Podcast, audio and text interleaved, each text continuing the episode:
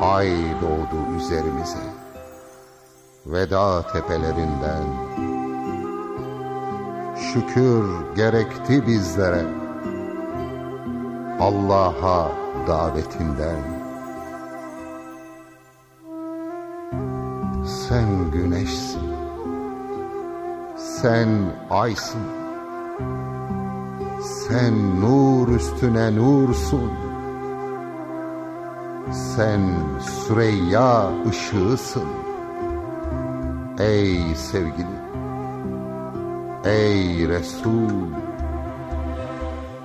Ay doğdu üzerimize Veda tepelerinden Şükür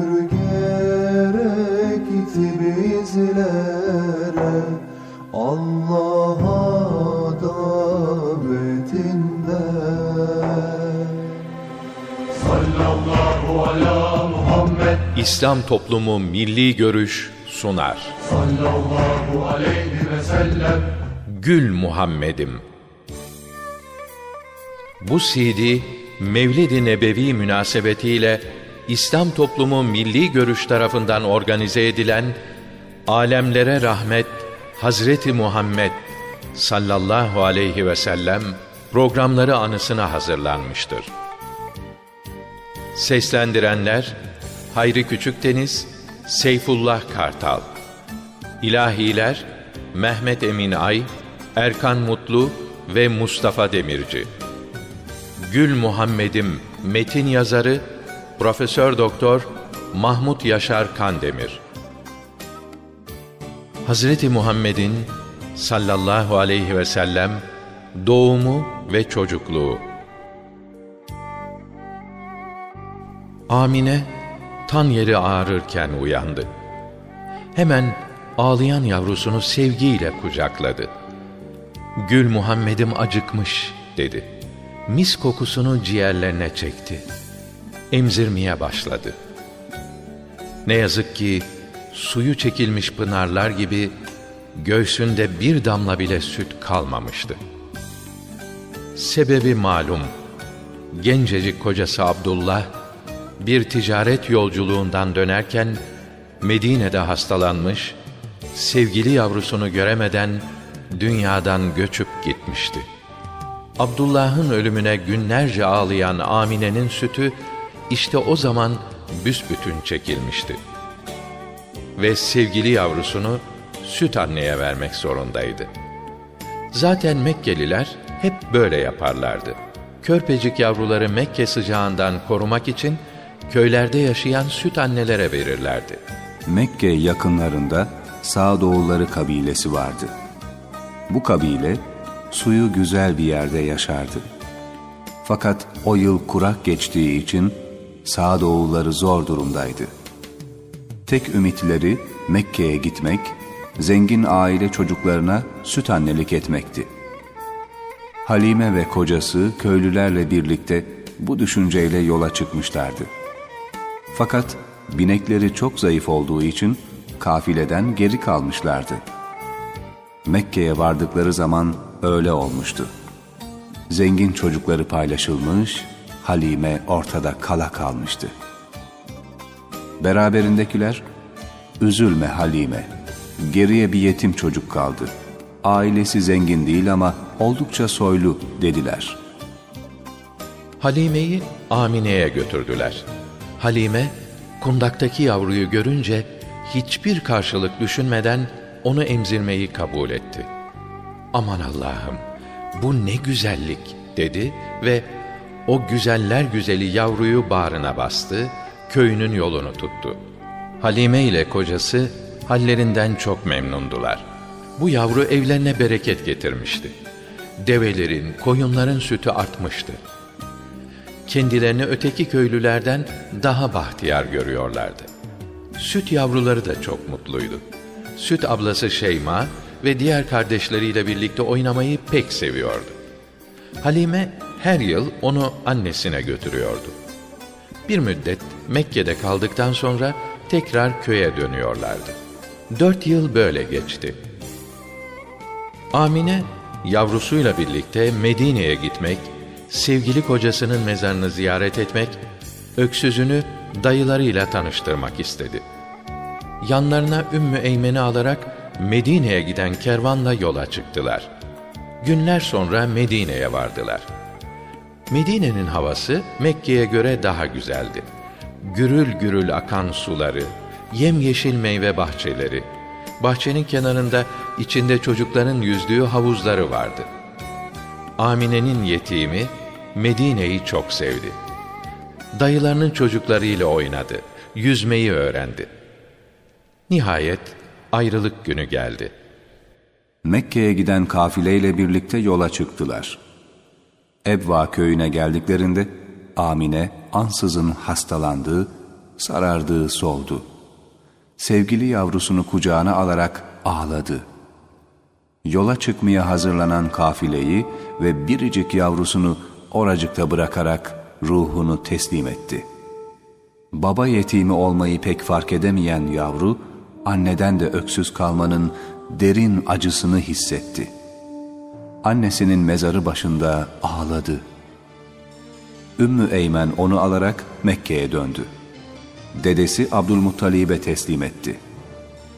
Abdülmuttalib Mekke'nin en ileri geleniydi. Onun iyiliğini görmemiş kimse yoktu. Artık iyice yaşlanmıştı. Torununa sevgiyle sarıldı, onu kimselere bırakmadı. İki yıl boyunca onunla oturdu, onunla kalktı. O en sevdiği oğlu Abdullah'ın emaneti ve emsallerine benzemeyen bir çocuktu. Bir gün Abdülmuttalib hastalandı. Oğullarını etrafına topladı. Torununa sahip çıkmalarını tavsiye etti. Sevgi ve şefkatine en çok güvendiği oğlu Ebu Talib'e bakarak Çocukların fazla, nüfusun kalabalık, biliyorum. Ama Muhammed'i yine de sana emanet ediyorum, dedi ve dünyaya gözlerini yumdu. Ebu Talip, hıçkıra hıçkıra ağlayan sevgili yeğenine sarıldı, bağrına bastı. Onu kendi çocuklarından ayırmadı. Dört yıl böyle geçti. Ebu Talip, babası gibi tüccardı uzak ülkelere ticaret yapmaya giderdi. Suriye'ye bir ticaret kervanı hazırladı. Yakınlarına veda ederken sevgili yeğeni "Beni kime bırakıyorsun amca?" diye mahzunlaşınca Ebu Talip onu kucakladı, devesinin arkasına bindirdi ve "Seni kimseye bırakmam Muhammed'im." dedi. Ebu Talip 12 yaşındaki yeğeniyle birlikte Suriye'ye doğru yola çıktı. Ürdün'ün doğu tarafındaki Busra'da konakladılar. Busra büyük bir ticaret kentiydi. Şehrin kıyısında kocaman bir kilise vardı. Kilisenin yaşlı papazı Hz. Muhammed aleyhisselamı görünce dona kaldı. Kutsal kitapta anlatılan gelecek peygambere çok benziyordu. Sırtını açıp orada kuş yumurtası gibi bir et benini görünce Ebu Talib'in ellerine sarıldı. Aman bu çocuğu Suriye'ye götürmeyin, onu Yahudilere göstermeyin dedi. Yahudilerin onu tanıyıp öldürmeye kalkışacaklarını söyledi. Son peygamberin Araplardan çıkmasına dayanamazlar, kıskanırlar dedi. Ebu Talip Suriye'ye gitmekten vazgeçti. Bütün mallarını bu sırada satarak Mekke'ye döndü. Günler geçiyor, yetim büyüyordu. Bazen kırlarda koyun otlatıyor, bazen ticaret işlerinde amcasına yardım ediyordu. 17 yaşına basınca amcasının ticaret kervanıyla Yemen'e gitti. Artık ticareti iyice öğrenmiş, başarılı ve güvenilir bir tüccar olmuştu. Daha sonra mazlumları korumak maksadıyla kurulan Hilful Fudul cemiyetine üye oldu. Üzerimize veda tepelerinden şükür gerekti bizlere Allah'a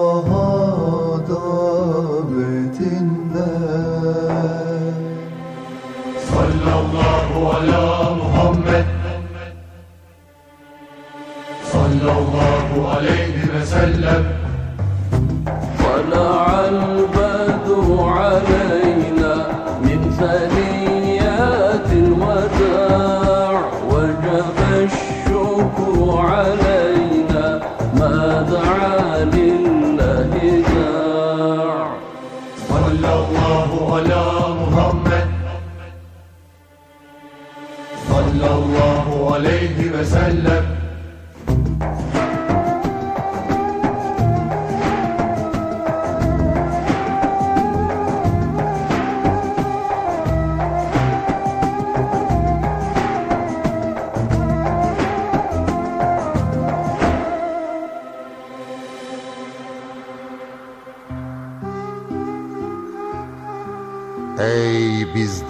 Seçilen elçi. Yüce bir davetle geldin. Sen bu şehre şeref verdin. Ey sevgili hoş geldin.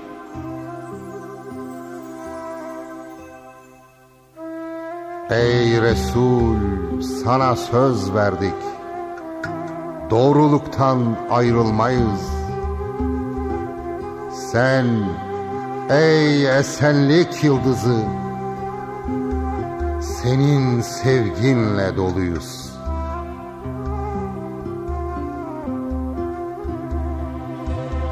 Ey bizden seçilen elçi Yüce davetle geldin sen bu şehre şeref verdin. Ey sevgili hoş geldin. Sallallahu ala Muhammed. Sallallahu aleyhi ve sellem. Eyyuhel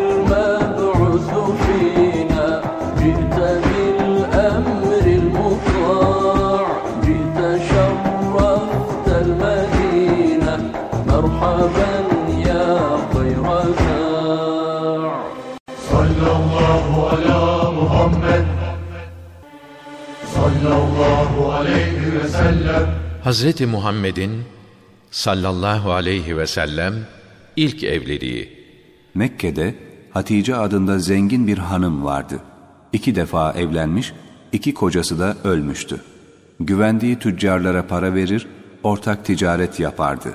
Yine bir gün böyle birini ararken ona Ebu Talib'in yeğeni Muhammed çok başarılı, üstelik güvenilir bir tüccar, onunla anlaş dediler. Hatice buna sevindi. Hatice, Muhammed'i iyi tanırım. Zaten akraba oluruz, dedi. Ortaklıkları böyle başladı. Hatice hem akıllı hem de güzel bir hanımdı. Yaşının kırkına yaklaştığına kimse inanmazdı. Dürüst ortağına duyduğu hayranlık zamanla derin sevgiye dönüştü. Hatice'nin Meysere adında bir kölesi vardı. Ona çok güvenirdi. Bir gün Meysere'ye, Muhammed seni çok sever. Evlenmeyi düşünüyor mu belli etmeden bir sor, dedi. Doğrusu Meysere çok becerikliydi. Hatice'nin ticaret kervanında Muhammed'le nice yolculuklar yapmış, ahlakına, geçimine hayran kalmıştı. Meysere, Muhammed, yaşın 25'i buldu. Evlenme çağın geldi. Hatice ile evlensene, dedi. Muhammed sallallahu aleyhi ve sellem, İyi ama ben fakirim. Hatice ise çok zengin. Birçok evlenme teklifini de geri çevirdi. Meysere, fakirlik engel sayılmaz. Senin üstün tarafların var. Eğer istersen ben bu işi hallederim. Muhammed sallallahu aleyhi ve sellem, pek öyleyse bir dene bakalım, dedi. Meysere dediğini yaptı. Onun aracılığıyla yuvaların en mutlusu kuruldu. Mekke'nin ortasında kutsal bir bina vardı. Adına Kabe derlerdi. Daha önce Kabe'yi İbrahim peygamber yapmıştı. Bina iyice eskimiş ve yıpranmıştı. Mekkeliler onu yıkıp yerine yenisini yapmak istediler. Kıymetli taşlar, sağlam ağaçlar getirdiler. İnşaata başladılar. Sıra Hacerül Esved denen kara taşı yerine koymaya gelmişti. Mekke'nin önde gelenleri büyük bir anlaşmazlığa düştüler. Hacerül Esved'i yerine koymak büyük bir şereftir. Bu şerefi kimseye vermeyiz dediler.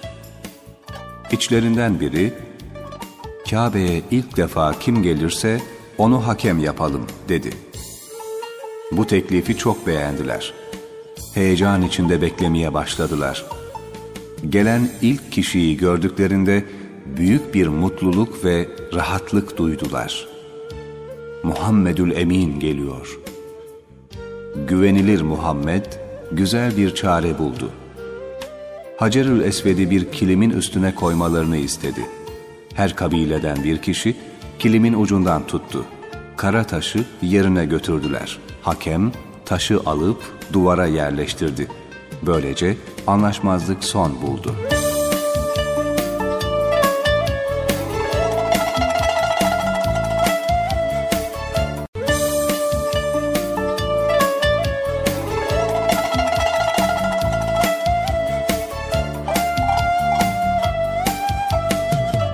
Hazreti Muhammed'in sallallahu aleyhi ve sellem peygamberlikle müjdelenmesi. Kabe yenilenmişti ama içi putlarla doluydu. Bu hal Hazreti Muhammed'i çok üzüyordu. Çocukluğundan beri putlardan nefret ediyordu. Bunlar yapmacık tanrı. Gerçek bir ilah olmalı diyordu. Gökyüzüne bakıyor, yeryüzünü geziyor, her yerde gerçek ilahı arıyordu. Nur Dağı'na çıkıp Hira mağarasında düşünmeyi çok seviyordu. Rabbine böyle ibadet ediyordu. Ramazan ayı gelince Hira'ya çekiliyordu. Sevgili hanımı Hazreti Hatice onu anlayışla karşılıyor, Hira'dan dönmediği zamanlar ona yiyecek getiriyordu. Sevgili kocası da onunla sohbet ediyor, gördüğü rüyaları anlatıyordu. Bu rüyaların aynen çıkmasına Hatice çok seviniyordu ve Muhammed her zamanki Muhammed değil diyordu. Yine bir Ramazan ayıydı. O yıl Muhammedül Emin 40 yaşına girmişti. 27 günden beri Hira mağarasındaydı. İki gün önce gelmesi gerekirken eve gelmemişti. Hatice hazırladığı yiyeceği bir adamıyla gönderdi. O sırada Hazreti Muhammed tatlı bir uykuya dalmıştı. Birinin kendini kucakladığını hissetti. Bu Cebrail adlı melekti. Ona oku dedi. Okuma yazması yoktu ki ne okuyacaktı? Ben okuma bilmem dedi. Melek onu kuvvetle sıktı. Oku dedi bir daha. Ben okuma bilmem ki dedi yine. Bu defa melek nefesini kesercesine sıktı. Oku dedi. Hazreti Muhammed nefes nefese sordu. Ne okuyayım? O zaman Cebrail aleyhisselam Allah'tan alıp getirdiği şu ayetleri okudu. Yaratan Rabbinin adıyla oku. O insanı kandan yarattı. Oku. Rabbin cömertlerin cömerdi. Kalemle yazmayı öğretti. İnsana bilmediğini öğretti. Hazreti Muhammed korku ile doğruldu. Her yanı titriyordu. Mağaradan dışarı çıktı. Aynı ses bu defa gökyüzünden geldi. Cebrail bütün ufku kaplamıştı.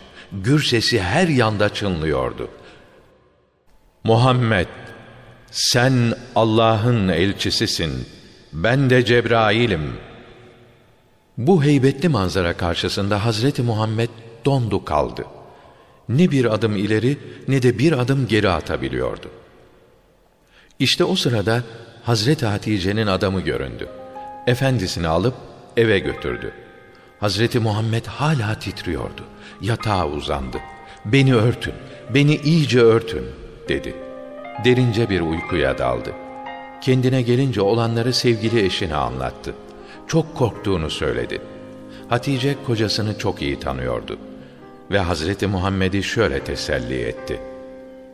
Müjdeler olsun, müjdeler olsun. Allah sana peygamberlik verdi. Korkmana gerek yok. Allah seni utandırmaz. Bundan eminim, dedi. Çünkü sen akrabalarına iyi davranırsın. Her zaman doğru konuşursun. Zorluklara göğüs gerersin.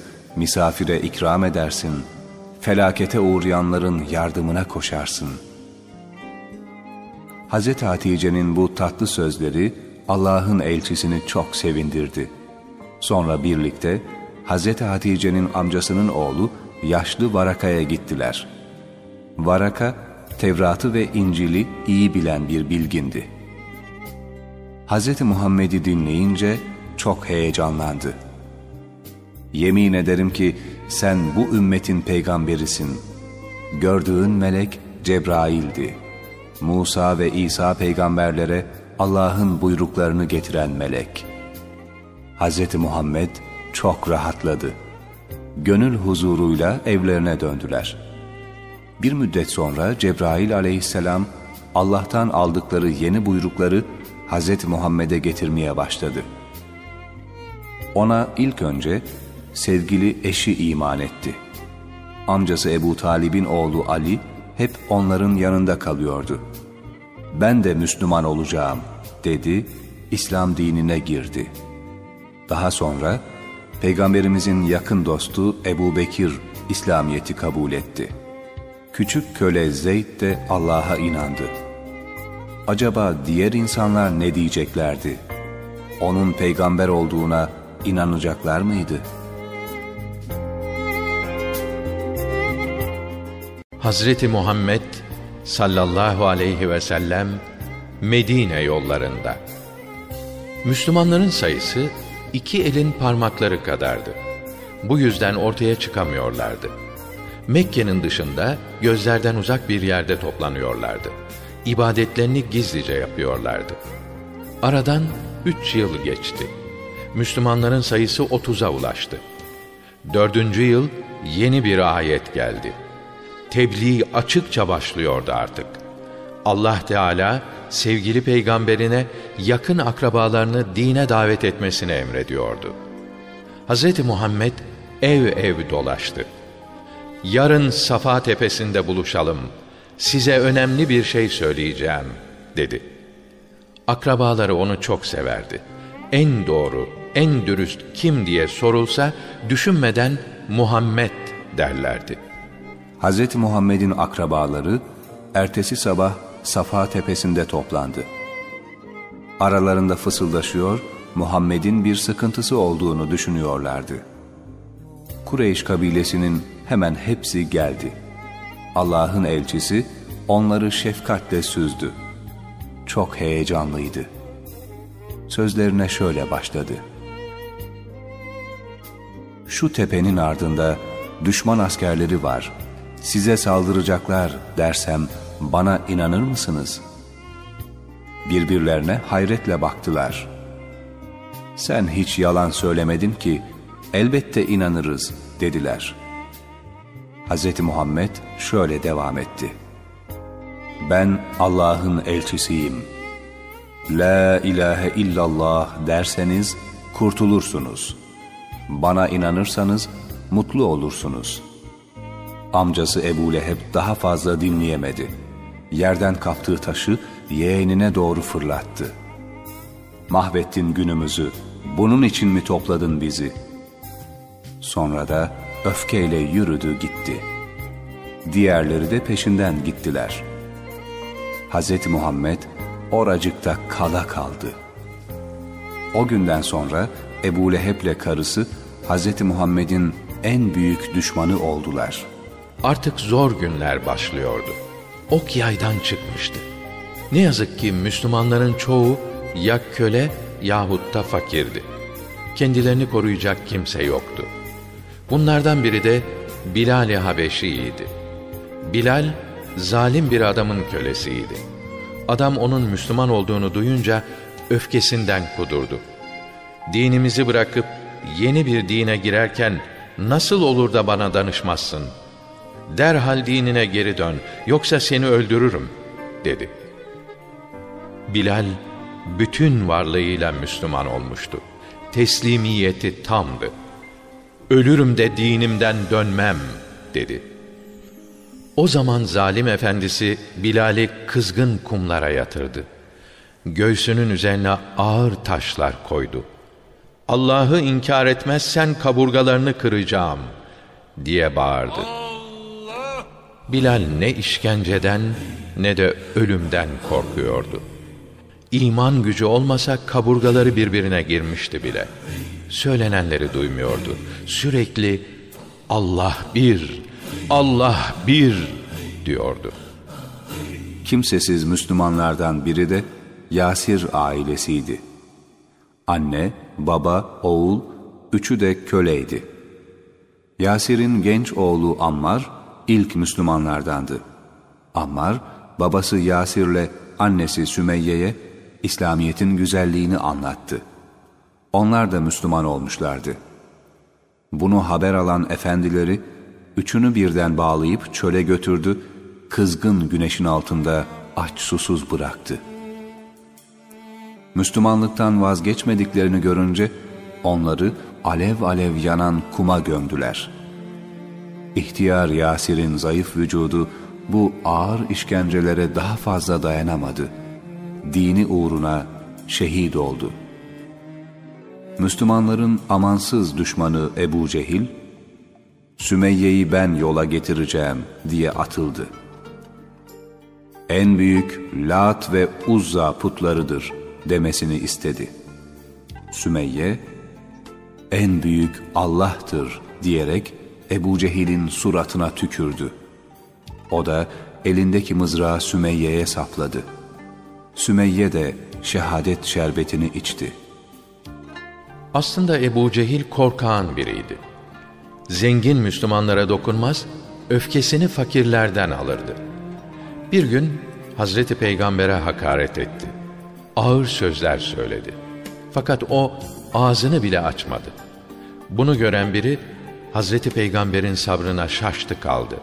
O sırada avdan dönen amcası Hamza'ya Ebu Cehil yeğenine hakaret etti diye haber verdi. Hamza atını hışımla Ebu Cehil'e doğru sürdü. Elindeki yayı var gücüyle kafasına vurdu. Korkak Ebu Cehil'in başından kanlar akıyordu. Yeğenime hakaret etmek ha diye gürledi Hamza. Bu andan sonra ben de Müslümanım. Engel olacak varsa çıksın karşıma diye bağırdı. Ebu Cehil'in ağzını bıçak açmadı. Hazreti Hamza'nın İslamiyet'i kabul etmesi Müslümanları çok sevindirdi. Kafirlerin işkencesi gün geçtikçe dayanılmaz olmuştu. Müslümanlar Hazreti Peygamber'e başvurdular. Artık sabrımız kalmadı. Bir çare ya Resulallah. Hazreti Peygamber de hep bunu düşünüyordu. Habeşistan'a göç edin. Orada adil bir kral var. Umarım size iyi davranır dedi. Bir gece vakti aralarında damadı Hazreti Osman'la kızı Rukiye'nin de bulunduğu kalabalık bir Müslüman topluluğu Mekke'den ayrıldı. Bunu haber alan kafirler peşlerine düştüler. İzlerini bulamadılar. Uzun ve meşakkatli bir gemi yolculuğundan sonra Habeşistan'a vardılar. Orada huzur içinde yaşamaya başladılar. Fakat İslam düşmanları Habeşistan kralına bir heyet gönderdi. Müslümanları bize teslim edin. Habeşistan kralı Müslümanları dinledi. Dinlerinin hak olduğunu anladı. Müslümanları kafirlere teslim etmedi. Mekkeli müşrikler hırslarından ne yapacağını şaşırdı. Zulümleri daha da çoğaldı. Hazreti Peygamber'in gönlünde bir kişi vardı ki onu bekliyordu. Ah, Ömer de bir Müslüman olsa diyordu. Ömer'in ise aklında başka planlar vardı. Kılıcını almış, Hazreti Muhammed'i öldürmeye gidiyordu. Yolda bir adama rastladı.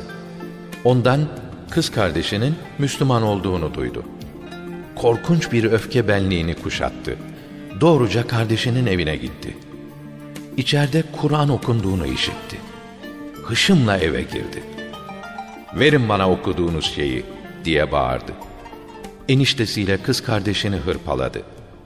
Kur'an yazılı sayfayı buldu, okumaya başladı. Gönlüne derin bir haz doldu. Beni Muhammed'e götürün, ben de Müslüman olacağım, dedi. Hz. Muhammed'in arzusu gerçekleşti. Ömer'le Müslümanlar biraz daha güçlendiler. Mekkeli putperestleri bir düşüncedir aldı. Bu böyle olmayacak dediler. Müslümanları bir mahalleye tecrit ettiler. Onlarla bütün ilişkileri kestiler ve kimseyle görüştürmediler. Bu kararı yazıp Kabe duvarına astılar. Üç yıl boyunca Müslümanlarla konuşmadılar. Alışveriş etmediler.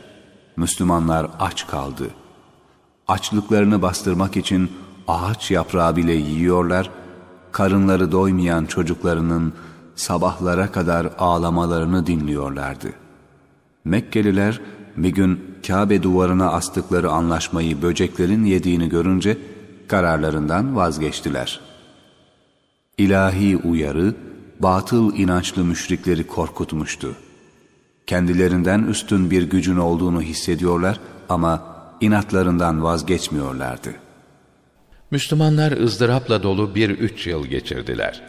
Bu zorluklar bütün Müslümanları, özellikle de Hatice annemizi çok sarstı. Efendimizin bu vefalı eşi, can yoldaşı hastalanıp yatağa düştü. Bir daha da kalkmadı. Onun vefatı Efendimiz'i derin bir acıya gömdü. O yıl hüzünler bitip tükenmedi. Çok geçmeden Ebu Talip de öldü. Ebu Talip Müslüman olamamıştı ama yeğenini korumaktan geri durmamıştı. Hatırı sayılan bir adam olduğu için Mekkeliler ondan çekinirlerdi. Bu yüzden Hazreti Peygamber'e fenalık yapamazlardı. Ebu Talib'in ölmesine kafirler çok sevindiler. O günden sonra Hazreti Muhammed'e bin bir hakaret ettiler. Bir gün Allah'ın sevgili elçisi Kabe'de namaz kılıyordu. Bunu gören Ebu Cehil, yeni kesilen bir devenin kanlı işkembesini getirtti. Secdeye vardığı zaman onu Hazreti Muhammed'in omuzlarına koydu. Kafirler gülmeye, alay etmeye başladılar. Bu korkunç manzarayı gören biri koşarak Hazreti Peygamber'in evine gitti. Olanlara haber verdi. Efendimizin sevgili kızı Fatıma iki gözü iki çeşme ağlayarak geldi. Babasının üzerine konan pislikleri alıp attı. Kafirlere acı sözler söyledi. Mekkelilerin zulmü gittikçe artıyordu. Efendimiz Taif'e gitmeye karar verdi. Oranın ileri gelenlerine İslam'ı anlatınca belki Müslüman olurlar, doğru yolu bulurlar diye düşündü. Taif'teki zenginlerin Mekke'dekilerden farkı yoktu. Hazreti Peygamber'i kötü karşıladılar. Bizim gibi zenginler dururken Allah seni niye elçi yapsın dediler. Sonra da çocuklarla birlikte onu taşa tuttular. Mübarek ayaklarını kan içinde bıraktılar. Sevgili Efendimiz yine de onlara kızmadı. Müslüman olmaları için dua etti. Geri dönüşlerinde yol kenarında bir bağda dinlendiler. Bağın sahipleri Efendimizin başına gelenleri görüp ona acımışlardı. Köleleri Addas ile üzüm gönderdiler. Addas Hristiyandı. Gerçekte nübüvvet nurunu bekleyen, memleketini terk etmiş bir dervişti. Aklında ve gönlünde son peygamberin geleceği bilgisi vardı. Efendimizin üzümü Bismillah diye yemeye başladığını görünce hayret etti. Onun peygamber olduğunu anlayınca ayaklarına kapandı, ona inandı. Müslüman oldu, kurtuldu. Bu kadar çileden sonra bir kişinin Müslüman olması bile Efendimiz'i çok sevindirdi. Ay doğdu üzerimize veda tepelerinden şükür gerekti bizlere Allah'a Hazreti Muhammed'in sallallahu aleyhi ve sellem hicreti o zamanlar Kabe'nin içi putlarla doluydu. Bu putlara tapan Arabistan halkı haç mevsiminde onları ziyarete gelirlerdi. Bir gün Peygamber Efendimiz putları ziyarete gelen Medinelilerle görüştü. Onlara Kur'an okudu. Müslüman olmalarını istedi. Kur'an'ın tatlı nameleri onların gönlünü yakaladı. İslamiyeti kabul ettiler. Hazreti Peygamber Mus'ab bin Umeyr'i onlara öğretmen olarak verdi. Medine'ye dönünce orada Müslümanlığı yaymaya başladılar. Ertesi yıl yeni Müslümanlarla beraber geldiler. Hazreti Peygamber'e bağlılık yemini ettiler. Bir sonraki yıl geldiklerinde, Ey Allah'ın sevgili elçisi! Yurdumuz, yuvamız sana ve Müslümanlara açık. Bize gelin, sizi canımız gibi koruruz, dediler. Peygamber Efendimiz, onların bu samimi teklifine sevindi. Medine'ye hicret izni verdi. Müslümanların hicret ettiğini gören kafirler, aman Muhammed'i elden kaçırmayalım. Medine'ye giderse orada güçlenir. Hatta Mekke'yi bile elimizden alır dediler. Hazreti Peygamber'i öldürmeye karar verdiler. Her kabileden birer adam seçtiler. Ama Allah onların kurduğu aciz tuzaktan haberdardı. O gece Allah Teala elçisine hicret izni verdi. Sevgili Efendimiz Hazreti Ali'yi kendi yatağına yatırdı. Yerden bir avuç toprak aldı. Bismillah diyerek kafirlerin yüzlerine sertti. Onun evden ayrıldığını göremediler. Efendimiz doğruca Hazreti Ebu Bekir'e gitti. Hicret iznimiz çıktı, hazır ol dedi. Ebu Bekir çoktan hazırdı. Kızları Ayşe ile Esma onlara yol azığı hazırladılar. İki samimi arkadaş Allah'a sığınarak Mekke'den sessizce uzaklaştılar. Sevr dağındaki bir mağaraya sığındılar. Hz. Peygamber'in can düşmanları ellerinde kılıç kapıda beklerken bir adam yanlarına geldi. Daha ne duruyorsunuz diye çıkıştı. Sus bak içeride uyuyor dediler. Adam onu elinizden kaçırdınız akılsızlar deyince hemen içeri daldılar. Yatakta Hazreti Peygamber yerine Hazreti Ali'yi görünce afalladılar. Mekke'nin dört bir tarafını aradılar fakat onları bulamadılar. Çok iyi iz süren bir adama, eğer bize Muhammed'i bulursan sana istediğini veririz dediler. Hep beraber iz takibine başladılar. Çok geçmeden Sevr dağındaki mağaraya vardılar.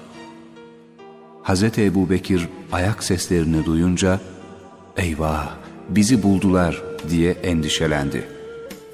Hz. Peygamber onu teselli etti. Üzülme, Allah bizimledir dedi. Mağaranın ağzı örümcek ağıyla kaplıydı. Mekkeliler hayal kırıklığına uğradılar. Yanlış iz sürdük. Burada olamazlar dediler ve oradan ayrıldılar. Hz. Peygamberi bulamayan kafirler ne yapacaklarını bilemediler. Kaçakları bulup getirene yüz deve vereceğiz diye ilan ettiler. Süraka adlı yiğit bir adam vardı. Çok iyi ata biner, iyi iz sürerdi. Atına atladı. Medine'ye doğru atını sürdü. Çölde Efendimiz'e yetişti. Yanlarına yaklaştığı zaman atı yere kapaklandı. Kalkıp atına bindi, ileri doğru sürdü. Bu defa atı dizlerine kadar kuma gömüldü. Süraka bir daha yere yuvarlandı. Aklında hep yüz deve vardı. Dizginlere iyice sarıldı. Hayvanı mahmuzladı. Atı bir daha devrilince yaptığı hatanın farkına vardı. Hz. Muhammed'in peygamber olduğunu anladı. Geri döndü. Yolda rastladıklarına bu tarafta yoklar, başka tarafa bakın dedi. Medine tarafına kimseyi göndermedi. Medineli Müslümanlar Hazreti Peygamber'in yola çıktığını duymuşlardı. Günlerdir onu bekliyorlardı. Hurma ağacının tepesindeki gözcü geliyorlar diye bağırınca dünya onların oldu. Gönülleri sevinçle doldu. طلع البدر علينا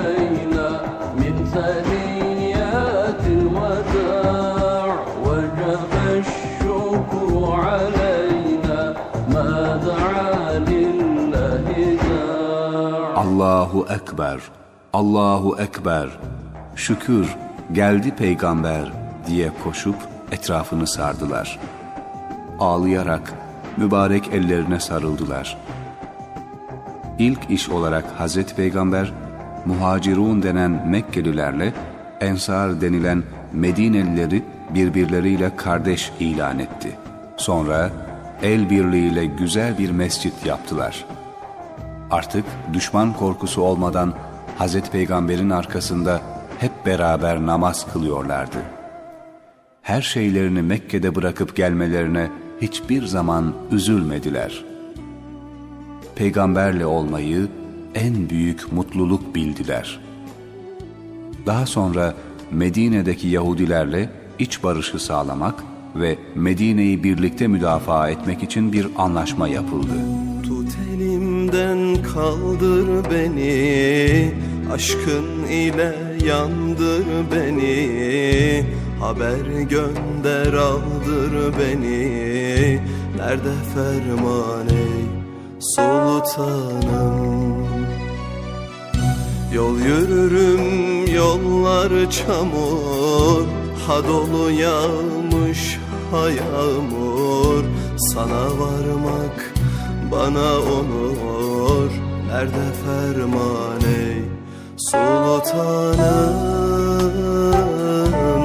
Sultanım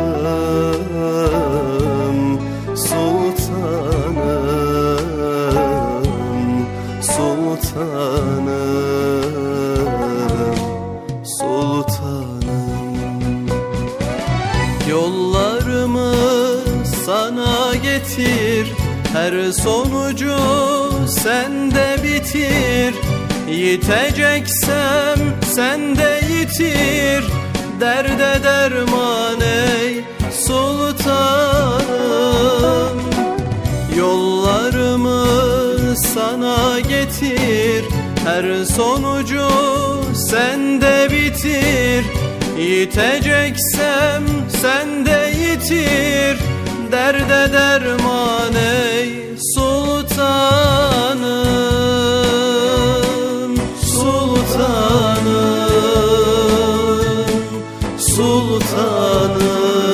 Sultanım Sultanım. Derde derman ey sultanım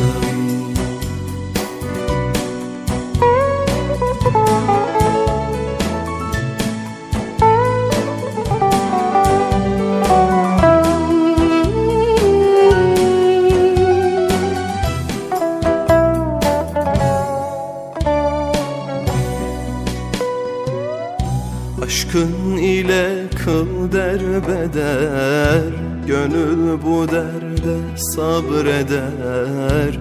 Aşktan gelen aşka gider. Nerede ferman ey sultanım. Yola düştüm yarda kaldım.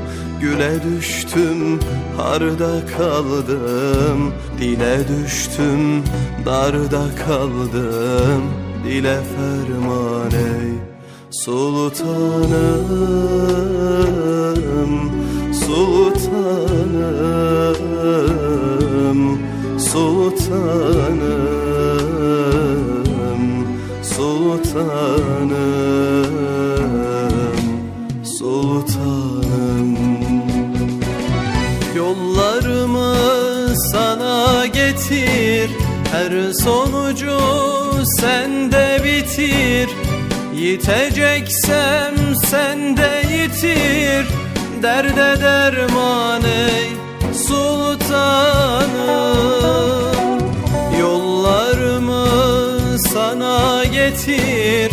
Her sonucu sende bitir Yiteceksem sende yitir.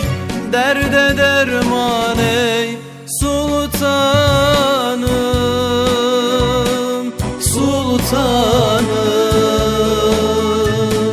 sultanım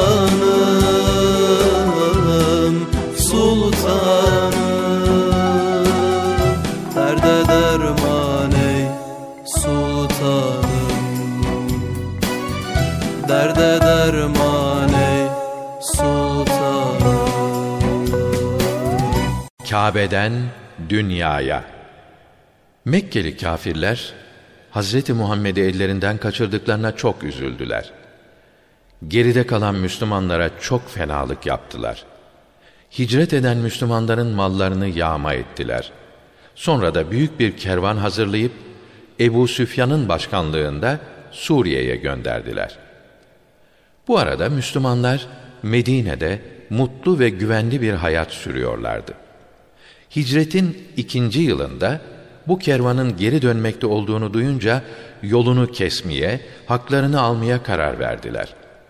Bunu öğrenen Mekkelilerse kervanlarını korumak ve Müslümanlarla savaşmak için yola çıktılar. Hazreti Peygamber de Müslümanları topladı. Savaşa hazırlanmalarını söyledi. İki taraf Bedir denen bir yerde karşılaştı. Kafirler 950 kişiydiler. 200 tane atları vardı. Kendilerine cesaret versinler diye kadınlarını da yanlarına almışlardı. Müslümanlarsa 314 kişiydiler. İki tane atları vardı. Sayıları çok azdı ama göğüslerindeki iman dağlar kadardı. Mekkelilerden üç kişi ortaya çıktı. Her biri iri yarı adamlardı. İçinizde yiğit varsa karşımıza çıksın diye meydan okudular. Peygamberimizin amcası Hazreti Hamza, amcası Ebu Talib'in oğlu Hazreti Ali ve Haris oğlu Ubeyde ileri atıldılar. Müşrikleri vurup kısa sürede yere serdiler. Daha sonra iki ordu birbirine girdi. Savaş uzun sürmedi. Mekkeliler bozguna uğradılar, geri dönüp kaçmaya başladılar. Müslümanlar başta Ebu Cehil olmak üzere birçok inkarcının işini bitirdi. Bu sırada Bilal-i Habeşi eski zalim efendisini gördü. O da Bilal'i görünce geri dönüp kaçmaya başladı. Bilal o gün rüzgar gibiydi. Elinden kimse kurtulamıyordu. İşkenceci zalimi elinden yakaladı. Bir hamlede cehenneme gönderdi. Arkasına bakmadan kaçanlar canlarını zor kurtardılar. Mekkeliler Bedir yenilgisini unutamadılar. Bu kadar az Müslümana nasıl yenildiklerini hiç anlayamadılar. Yeniden güç toplayıp onlara saldırmayı akıllarına koydular. Kaçırdıkları kervanın 50 bin dinara ulaşan kısmıyla yeni bir ordu kurdular. Kaybettikleri büyüklerinin intikamını mutlaka almalıydılar. Büyük bir hazırlığa giriştiler. İntikam ateşiyle yananlardan biri de Mekke'nin ileri gelenlerinden Ebu Süfyan'ın karısı Hint idi. Kardeşini Bedir'de Hamza öldürmüştü. Bu yüzden ona diş biliyordu. Mekke'de Vahşi adlı siyahi bir köle vardı. Çok iyi mızrak atardı. Hint onu evine çağırdı. Eğer Hamza'yı öldürürsen seni hürriyetine kavuşturur, üstelik servete boğarım, dedi. Vahşi bu teklifi kabul etti. Kafirlerin Medine'ye yaklaştığını duyan Müslümanlar kılıçlarını kuşanıp yola çıktılar. Hazreti Peygamber bunu haber alır almaz ashabıyla istişare etti. Medine dışında savaşmaya karar verdi. 950 kişilik bir güçle Uhud'a doğru yola çıktı.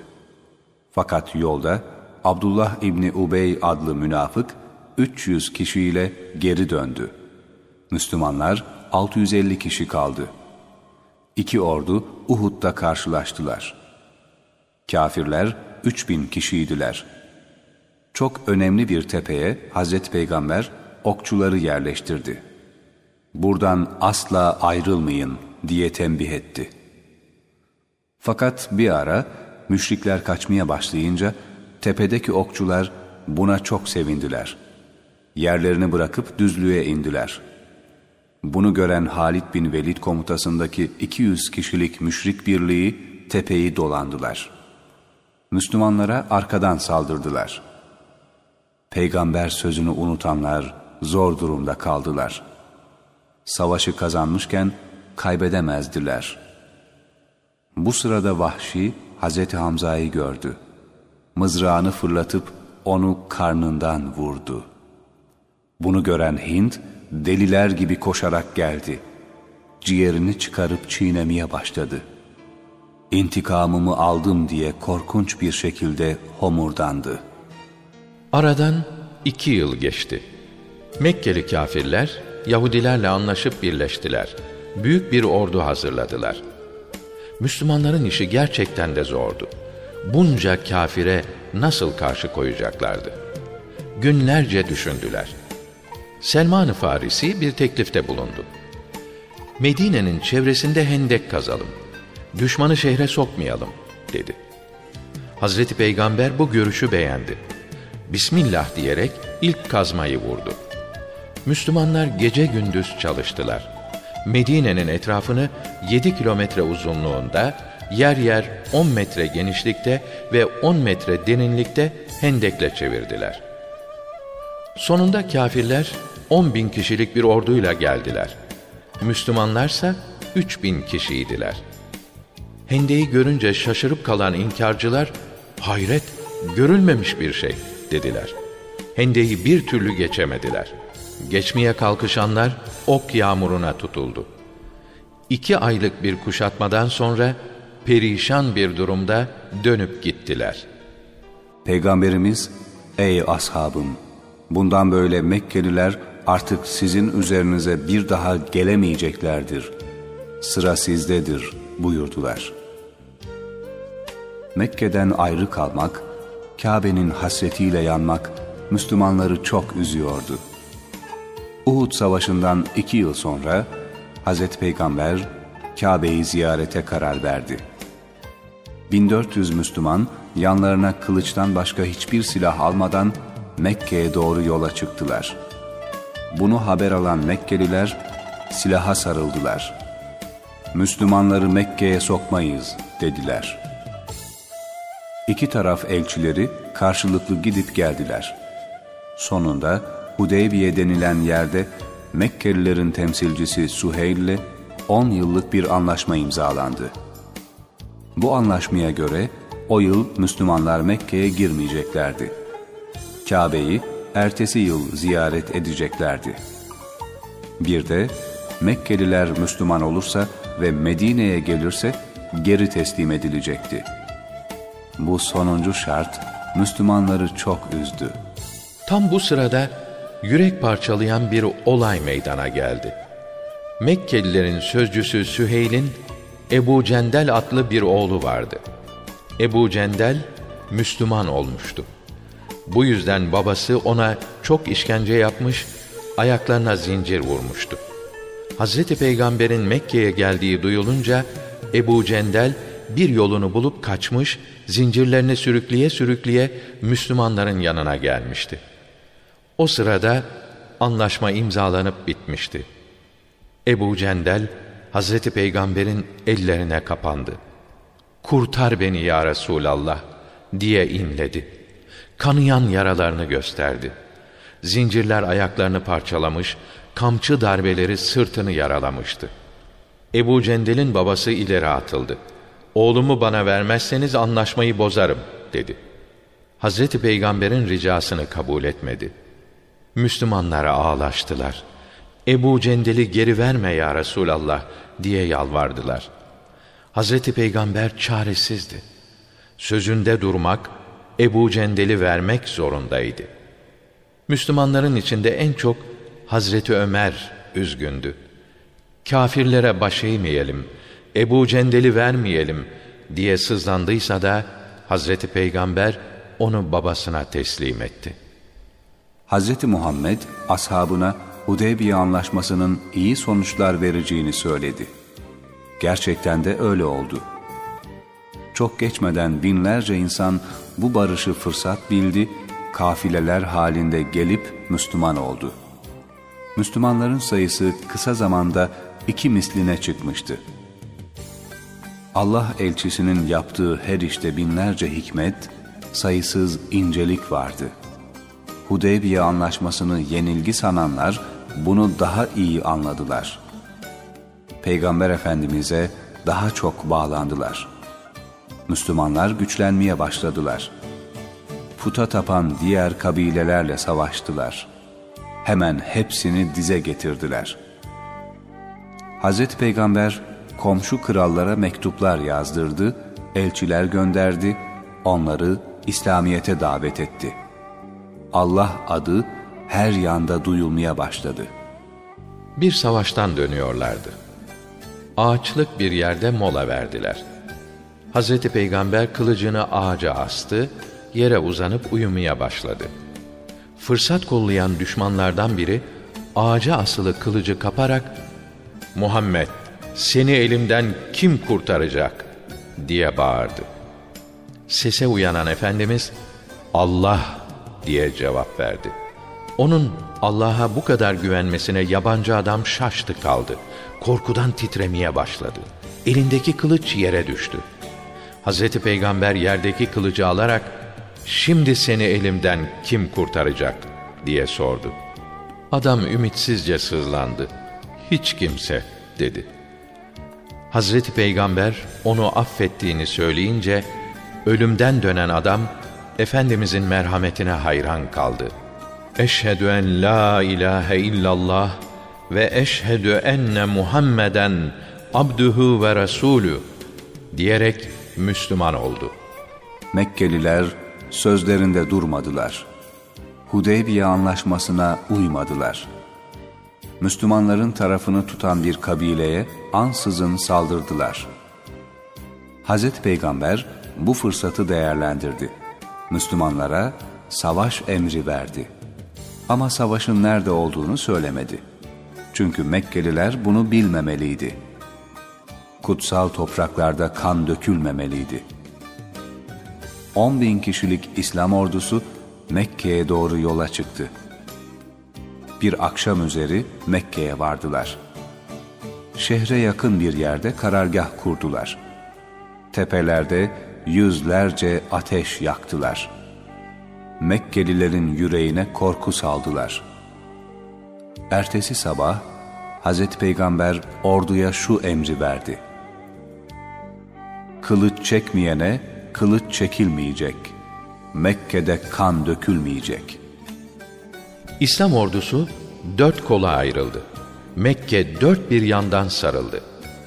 Hazreti Peygamber çok mutluydu. Kusva adlı devesinin üzerinde Mekke'ye girerken sekiz yıl öncesini düşünüyordu.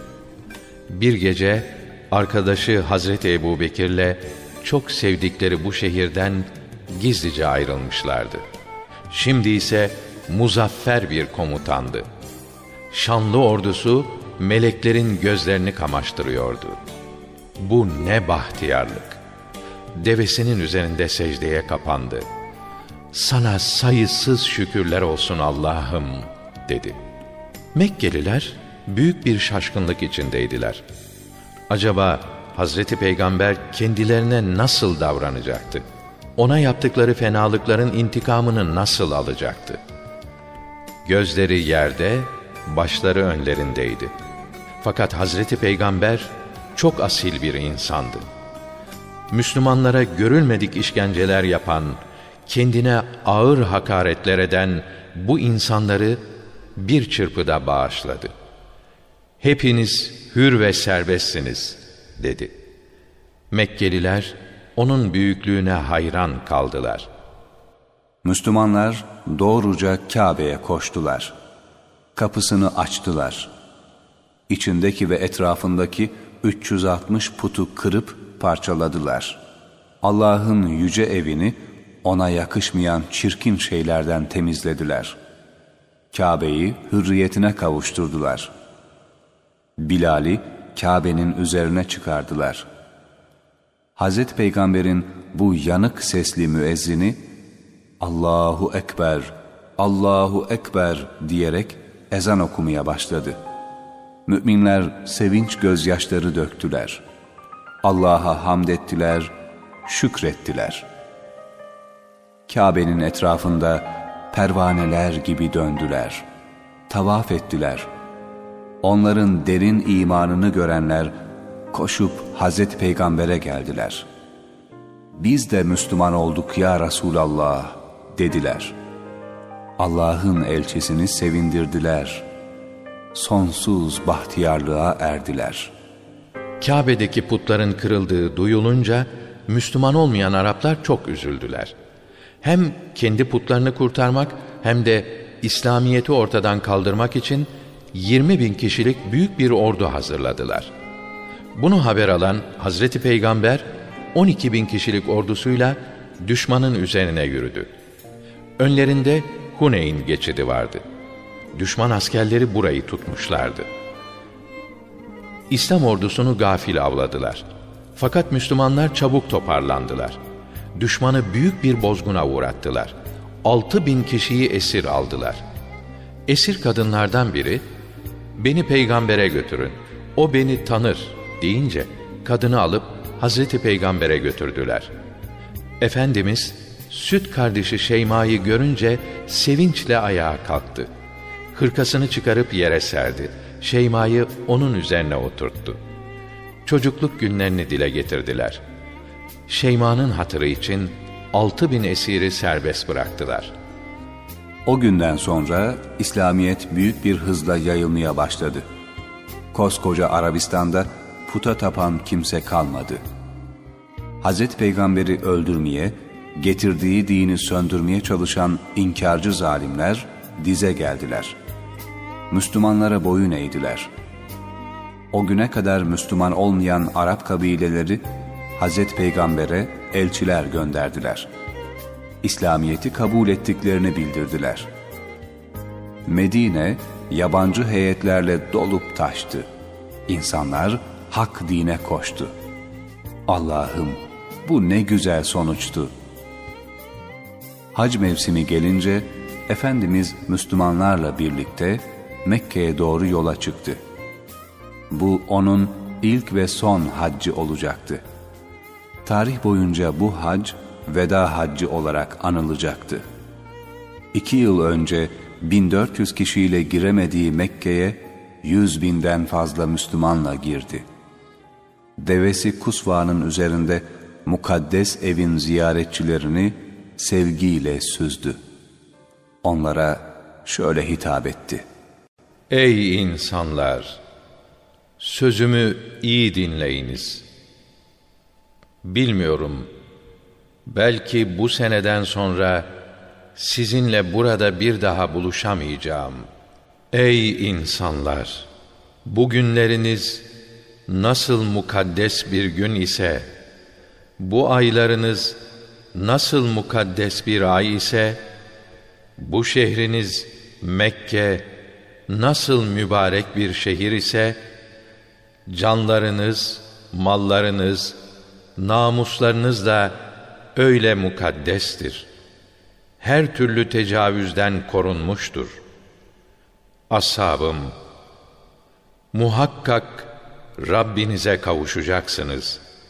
O da sizi yaptıklarınızdan dolayı sorguya çekecektir. Sakın benden sonra eski sapıklıklara dönmeyiniz ve birbirinizin boynunuzu vurmayınız. Bu vasiyetimi burada bulunanlar, bulunmayanlara ulaştırsın.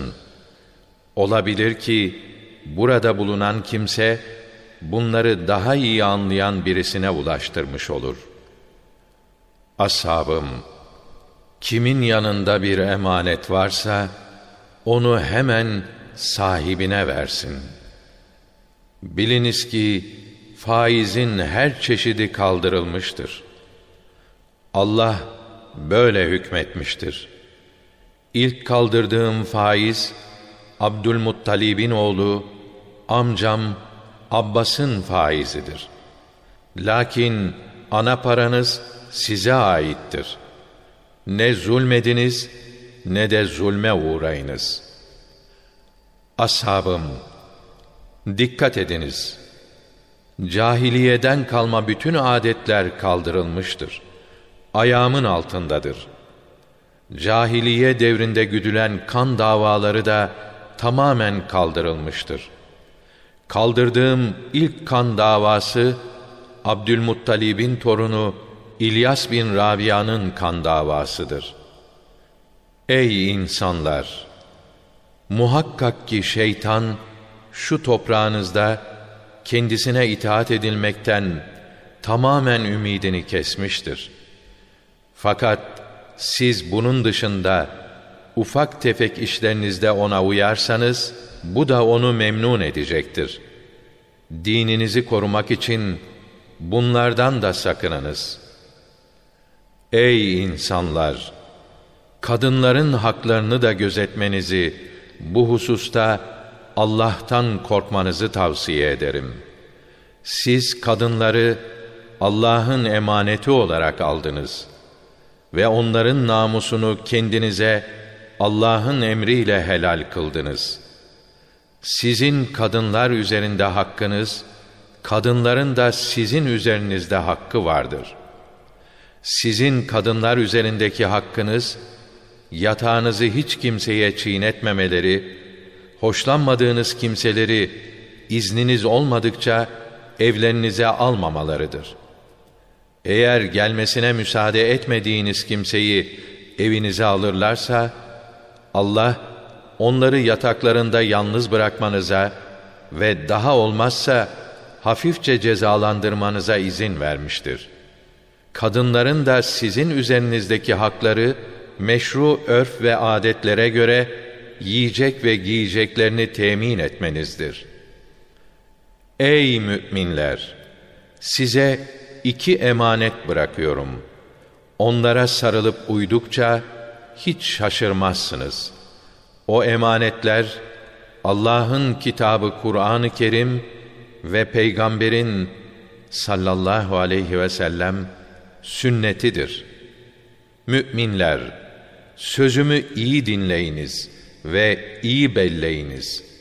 Müslüman, Müslümanın kardeşidir ve böylece bütün Müslümanlar kardeştirler.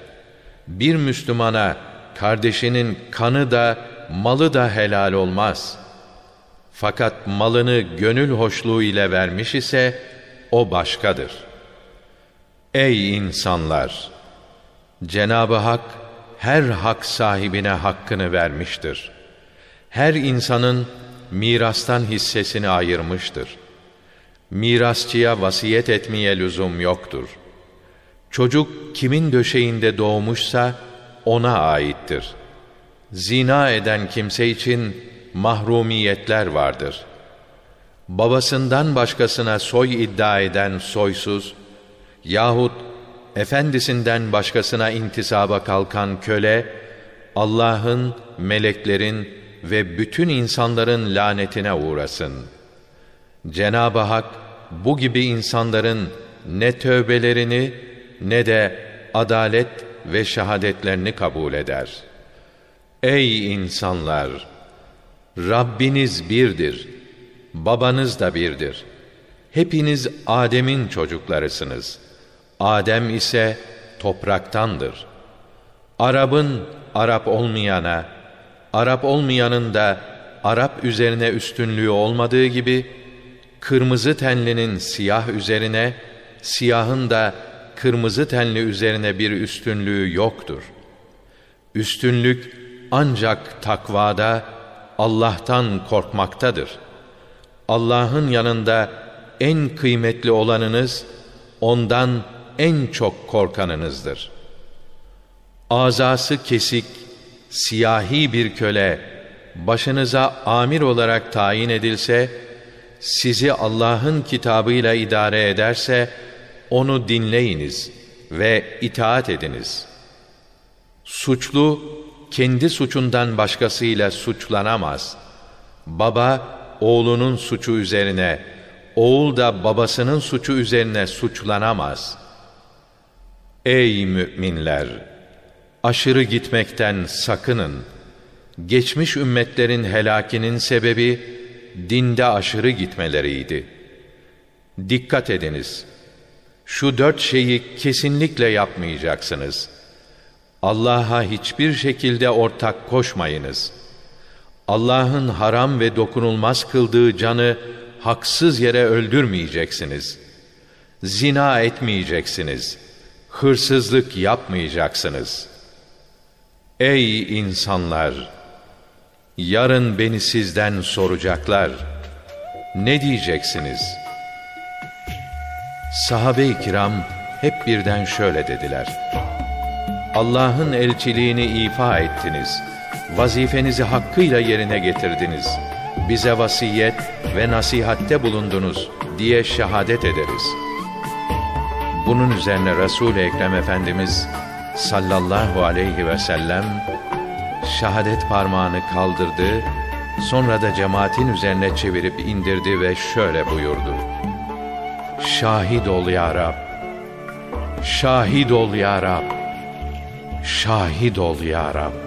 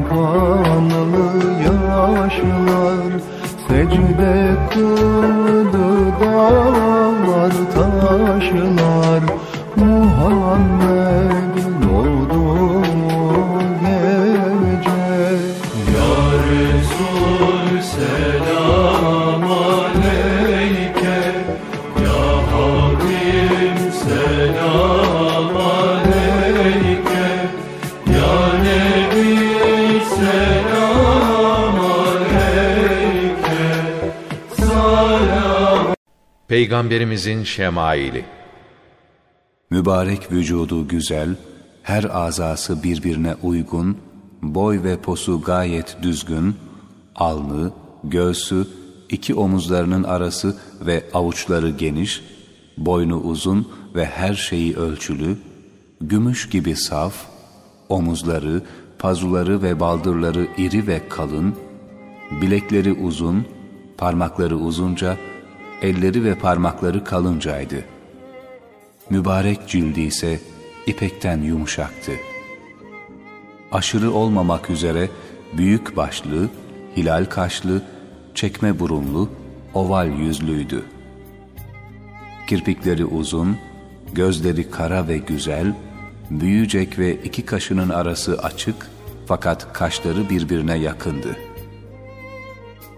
O yüce peygamber parlak gül renginde yani ne çok beyaz ne de esmer olmayıp bu iki rengin ortası gül kırmızısına benzer beyaz, nurani ve berrak olup mübarek yüzünden adeta nur parlardı.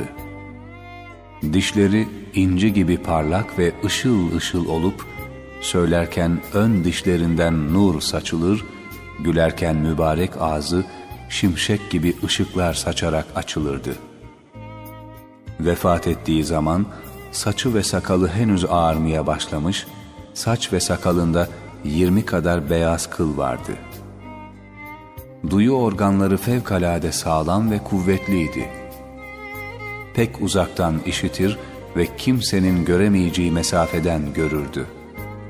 Hülasa, en mükemmel ve müstesna surette yaratılmış bir mübarek varlıktı. Onu ansızın gören kimseyi bir sevgi kaplar, onunla sohbet eden ve görüşen kimse ona can gönülden aşık olur ve tutulurdu. İnsanlardan kim hangi derecede saygıya layıksa ona göre davranır, akrabalarını da görür ve gözetir, onlara da ikram eylerdi. Ancak akrabası da olsa onları diğer ashabından ayrı tutmaz ve farklı muamele etmezdi. Hizmetçilerini pek hoş tutar, kendisi ne yer ve ne giyerse onlara da onu yedirir ve onu giydirirdi. Son derece cömert, eli açık, herkese iyilik eder, ikramda bulunur, şefkat ve merhametle davranır, affetmeyi ve bağışlamayı sever, hem cesur hem de yumuşak huyluydu. Verdiği sözde durur, her zaman doğruyu söylerdi.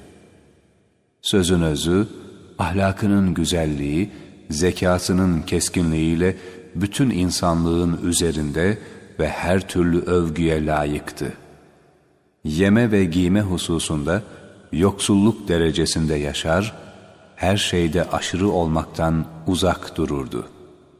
Peygamberimiz sallallahu aleyhi ve sellemi bu şekilde bizlere aktaran Osmanlı döneminin önemli alimlerinden olan Ahmet Cevdet Paşa'yı da yad ediyoruz. Allahümme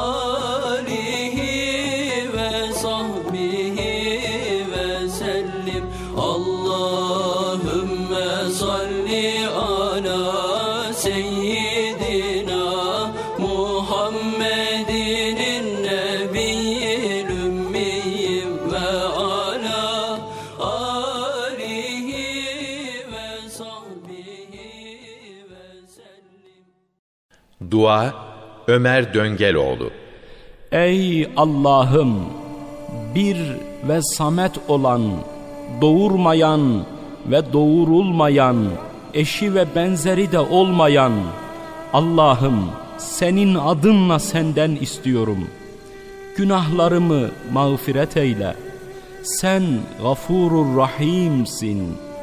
Ey Allah'ım, hamdlerim sanadır. Nimetleri veren sensin. Senden başka ilah yoktur. Sen semavat ve arzın celal ve ikram sahibi yaratıcısısın. Hay ve kayyumsun. Bu isimlerini şefaatçi yaparak senden istiyorum. Allah'ım nefsimi sana teslim ettim.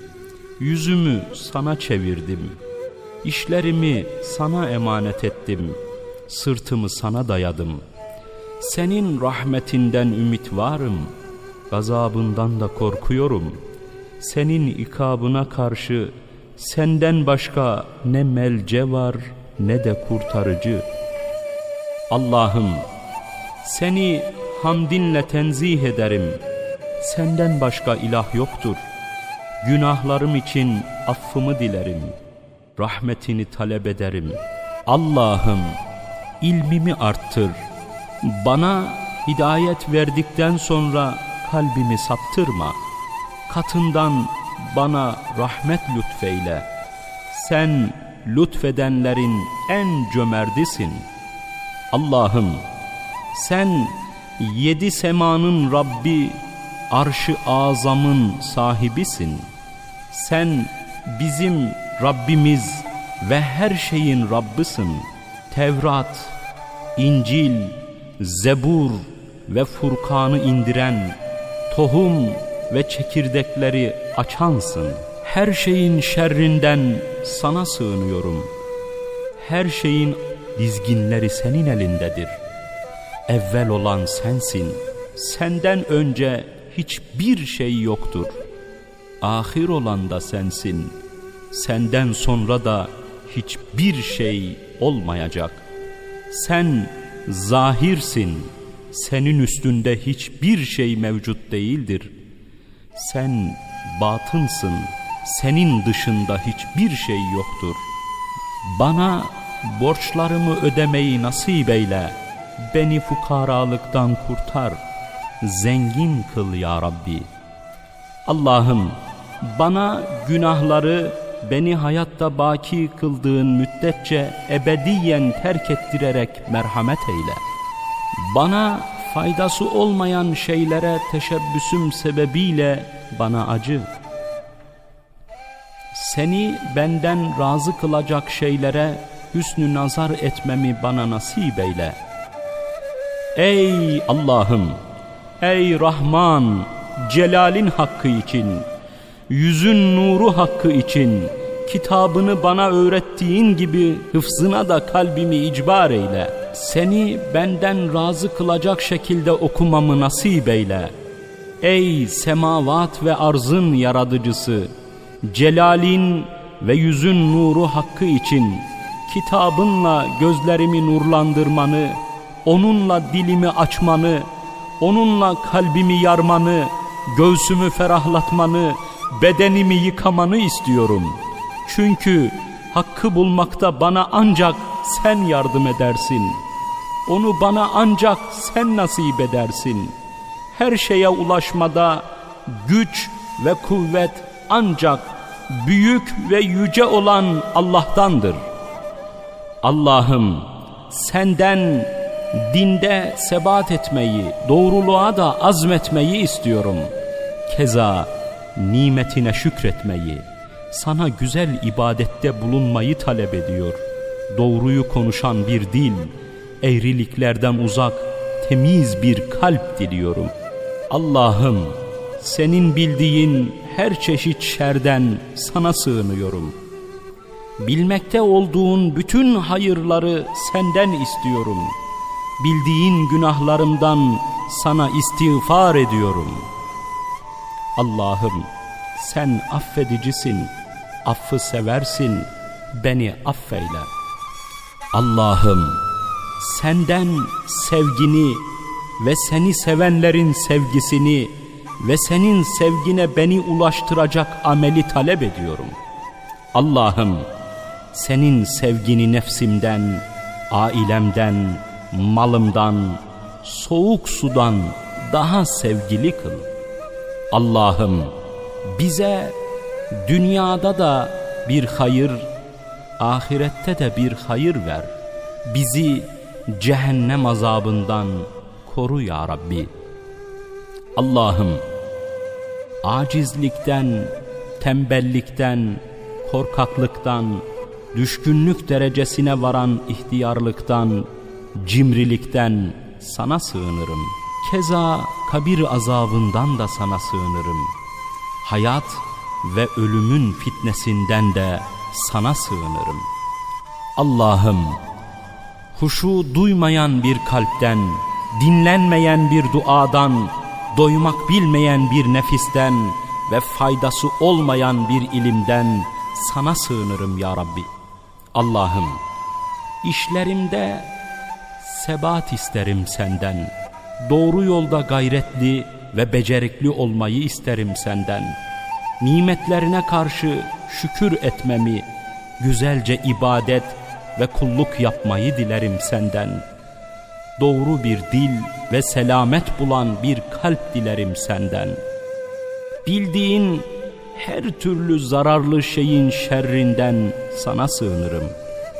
Ve bildiğin her faydalı şeyin hayrını senden isterim ya Rabbi. Bildiğin her bir günahımdan dolayı bağışlanma isterim senden. Şüphesiz sen kimselerin bilemeyeceği gaybı bilensin.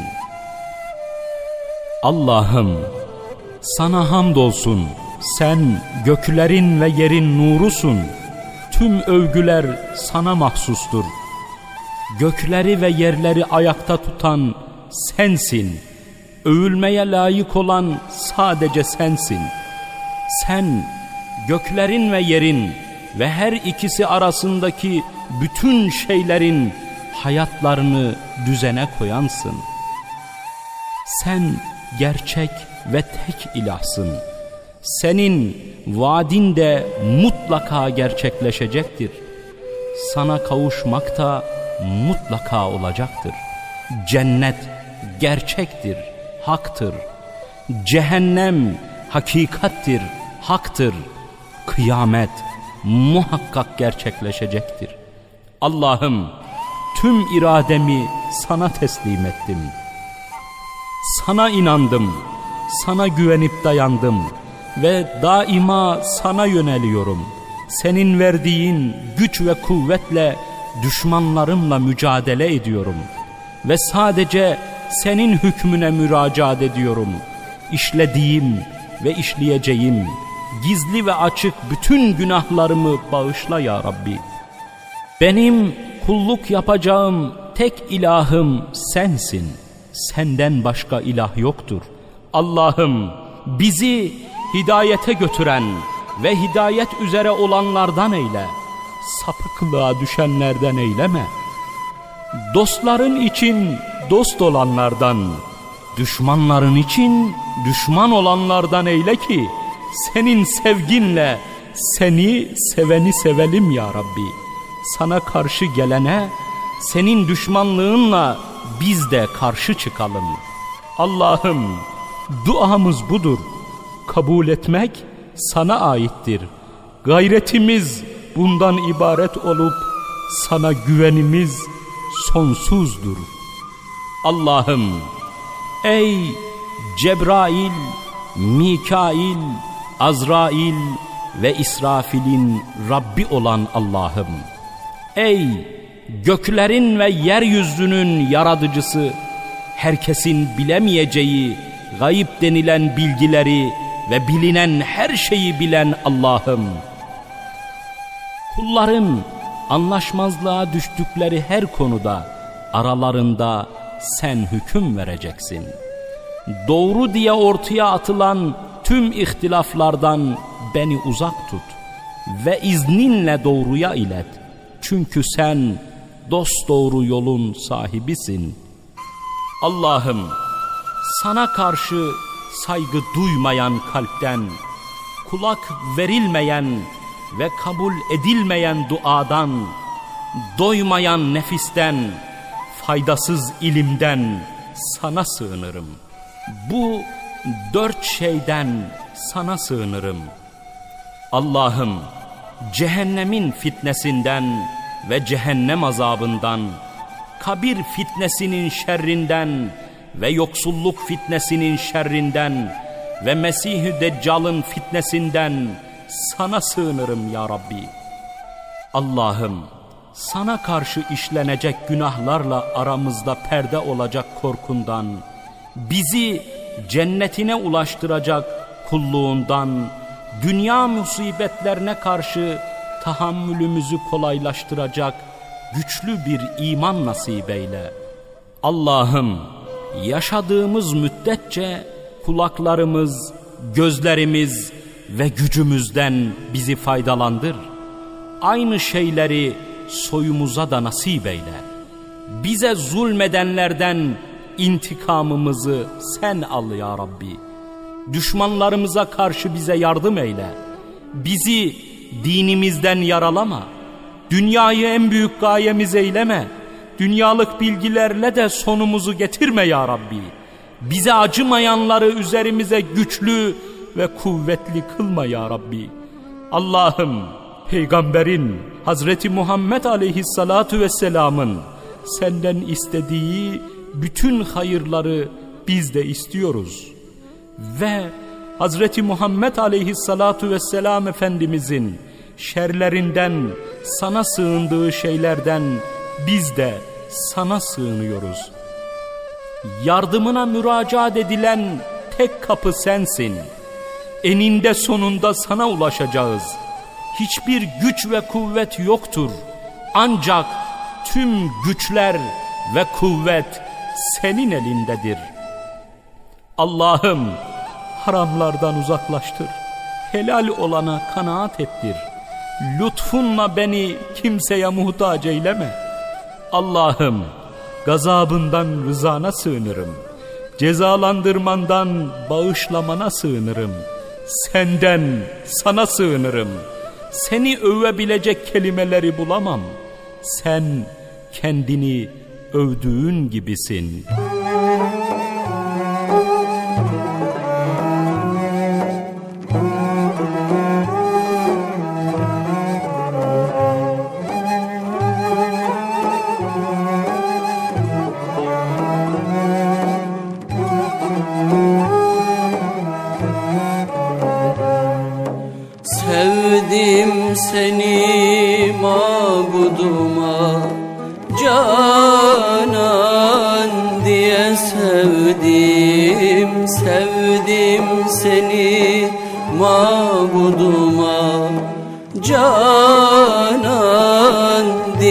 Sevdim.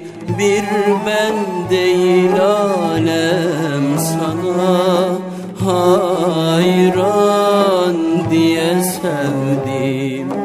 Bir ben değil alem sana hayran